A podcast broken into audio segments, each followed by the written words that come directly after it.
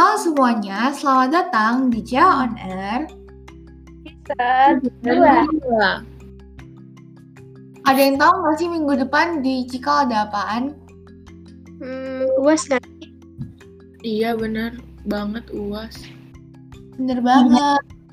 Kalian udah pada nyiapin apa aja nih buat UAS? Belum sama sekali. Iya nih belum belajar.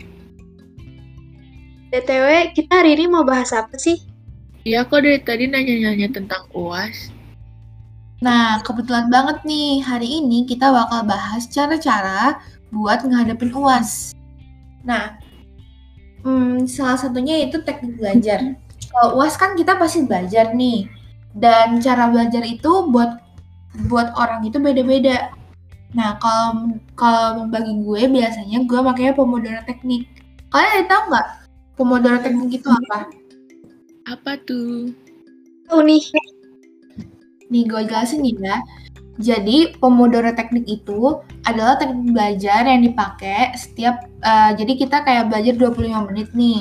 Terus setelah 25 menit itu habis, kita bakal istirahat selama 5 menit nih.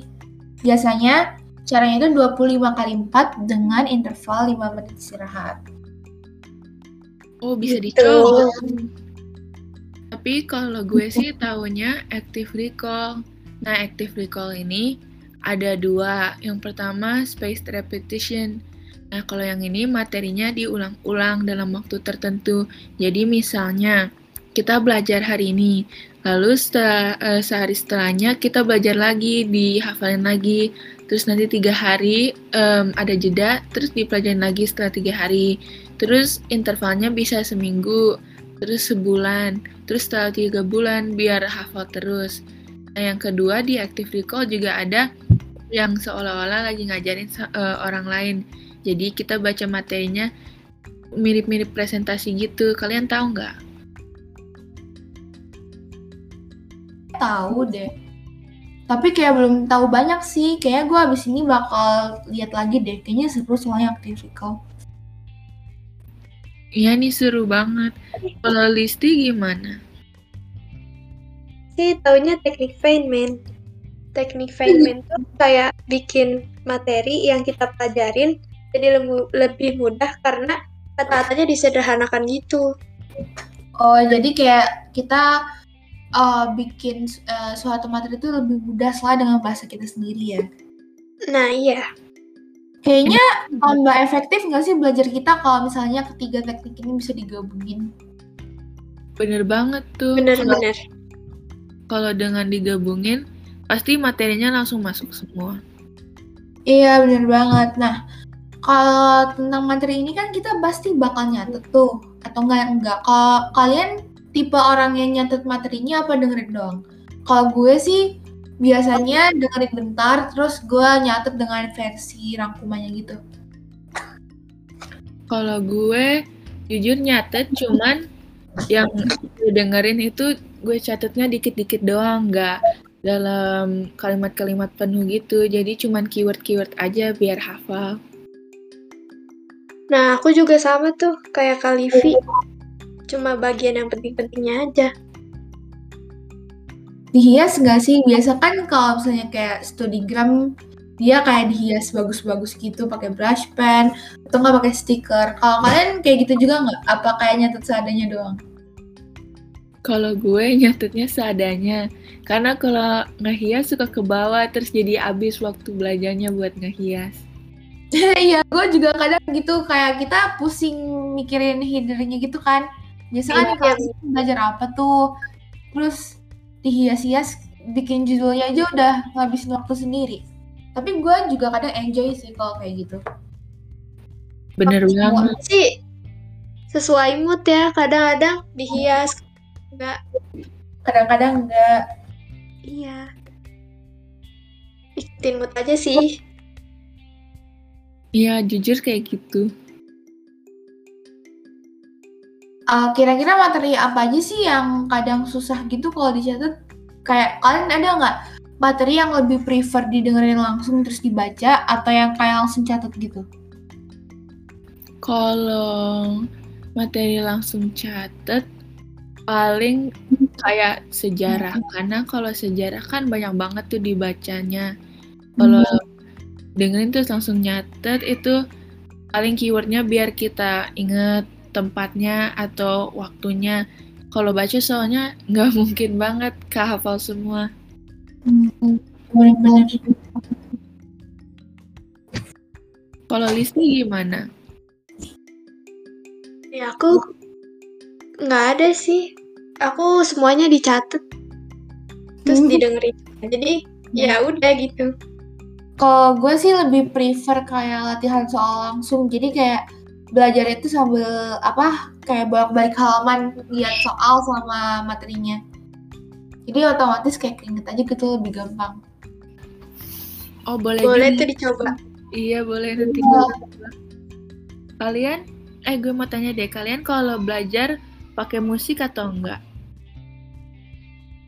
Gue sih ter- tergantung mood kayaknya. Kadang kalau misalnya lagi pengen rame pakai lagu, cuman lagunya juga kayak nggak rame gitu. Paling yang kayak classical music yang kayak cuman isinya piano-piano doang. Atau enggak kayak pokoknya nggak ada suara nyanyinya gitu loh.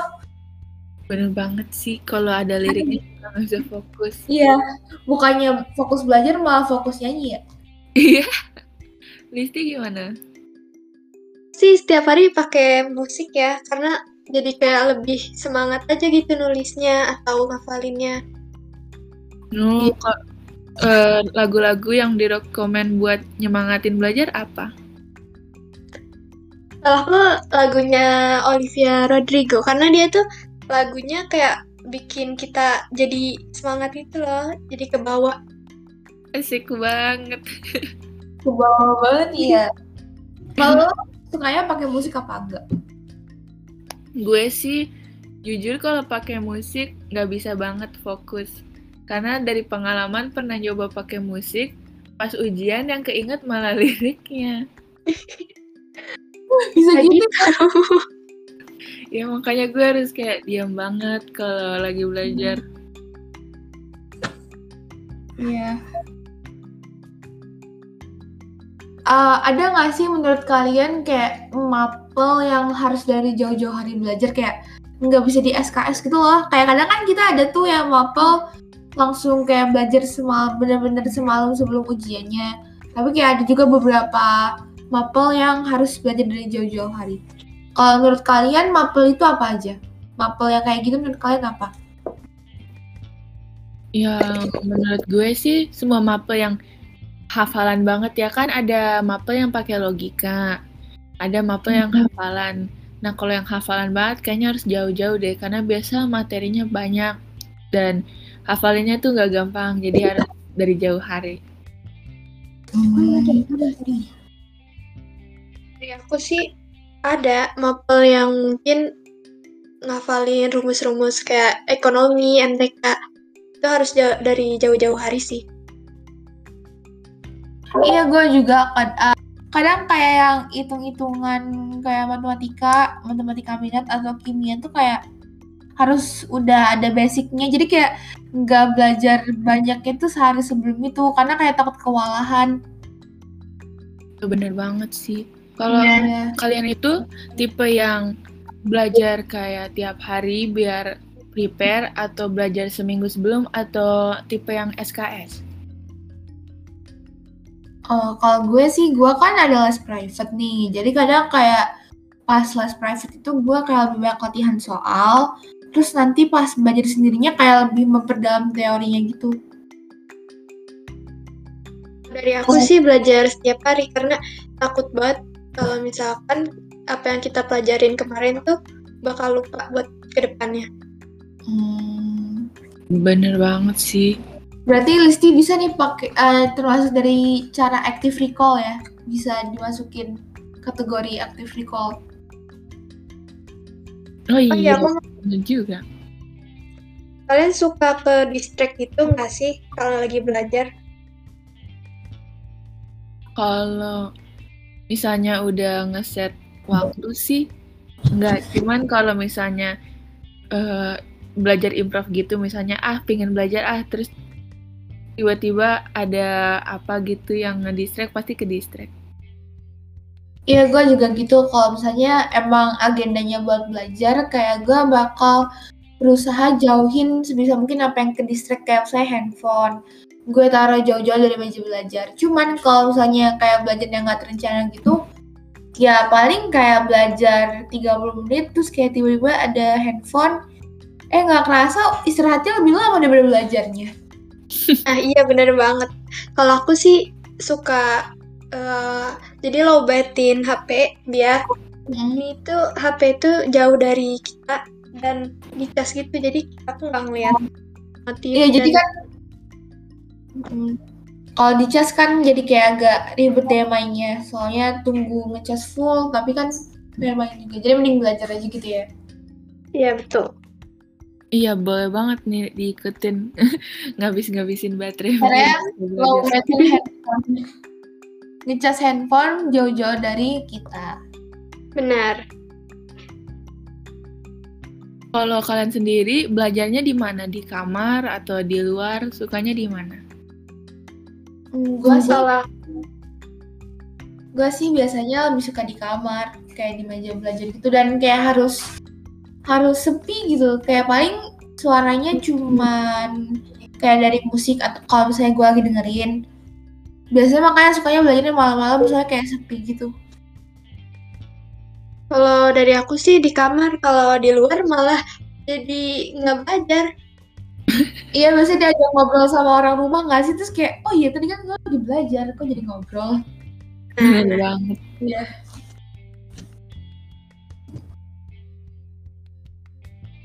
Terus kalian suka kayak punya target nggak sih kayak misalnya eh, pas PAS ini gue mau nargetin nilai gue segini segini segini segini. Pengennya sih se- 80 lah ya. Amin. Semoga kita semua nggak ada yang remet ya. Semoga rapotnya lebih bagus daripada PTS kemarin. Amin. Amin banget. Amin banget. Kalau dari Bisa- aku sih Eh, di maaf. SMA targetin karena pengen dapet SNM juga Oh kayak- iya ya. Ah, kalau SNM kan kita harus bisa mungkin nilainya improve terus kan. Jadi kayak grafiknya naik-naik. Kalau turun-turun naik turun tuh kayak jadinya ditimbangi gitu. Mm-mm. Nah. Semoga kita semua bisa dapat 100 lah ya. Ya, amin. Ah, kalaupun nggak 100 paling ya di atas 90-an lah. Iya tuh. Soalnya kalau kalau di atas KKM kan kayak 70 70 tuh kayak Agak lagi. gimana gitu. 90 ya. 90-an. Rasanya langsung apa sih kayak kecewa sama kita sendiri. Iya. Eh tapi kita kita ujian online apa offline sih? Online ya? kayaknya sih kayaknya sih online sih gara-gara kan emang ada BPK untuk Hmm. ke depannya Hmm, Iya, kayaknya online. Apa ya kalau misalnya offline kan kita dulu kayak belajar ujian itu sama teman-teman gitu kan dalam satu ruangan. Sekarang kayak online rasanya ujiannya sendiri-sendiri gitu kayak habis kalau saya online kan eh kalau offline kan kita kayak sebelum mulai ujiannya kan kita kayak belajar bareng-bareng gitu. Kayak iya. Bikin lingkaran gitu kita kayak saling apa kayak saling bahas-bahas gitu kan. Terus ntar kalau udah selesai ujiannya kayak kita eh lo tau nggak tadi nomor ini jawabannya apa jawabannya apa? gitu kan. Iya. kalau sekarang sekarang paling ya lewat chat doang sih. Nggak langsung gitu. Karena apa baterai habis dipakai buat ujian ya tadi yang tadinya mau ngebahas habis ujian lupa.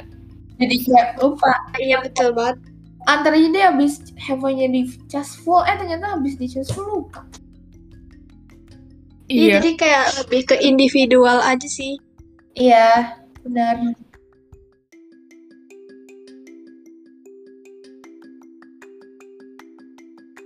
Kalian ujian tuh enakan offline atau online? Jujur kayak setengah-setengah nggak sih? Iya iya. Kan iya ada enaknya online ada enaknya offline online, iya. Tapi overall kayak kalau misalnya mau lebih kerasa vibes ujiannya tuh sih lebih enakan offline kayak lebih kerasa Iya sih. Kalau Iya. online jadi kayak ngerjain tugas juga, cuman diobservasi sama guru aja. Jadi kayak ada kekurangan, ada kelebihannya di antara dua itu. Iya bener banget. Ada pros and cons-nya. Oke nggak kerasa nih kita udah di penghujung waktu. Jadi eh, kira-kira kita bertiga nih kayak udah tahu ya apa aja yang bisa dipersiapin buat PAS semoga buat pendengarnya juga bermanfaat. Iya nih, eh, makasih untuk semua yang udah ngedengerin podcast kita di bulan ini. Sampai jumpa semua di podcast selanjutnya. di tanggal Bye. Dadah semuanya Dadah semua. semangat PS-nya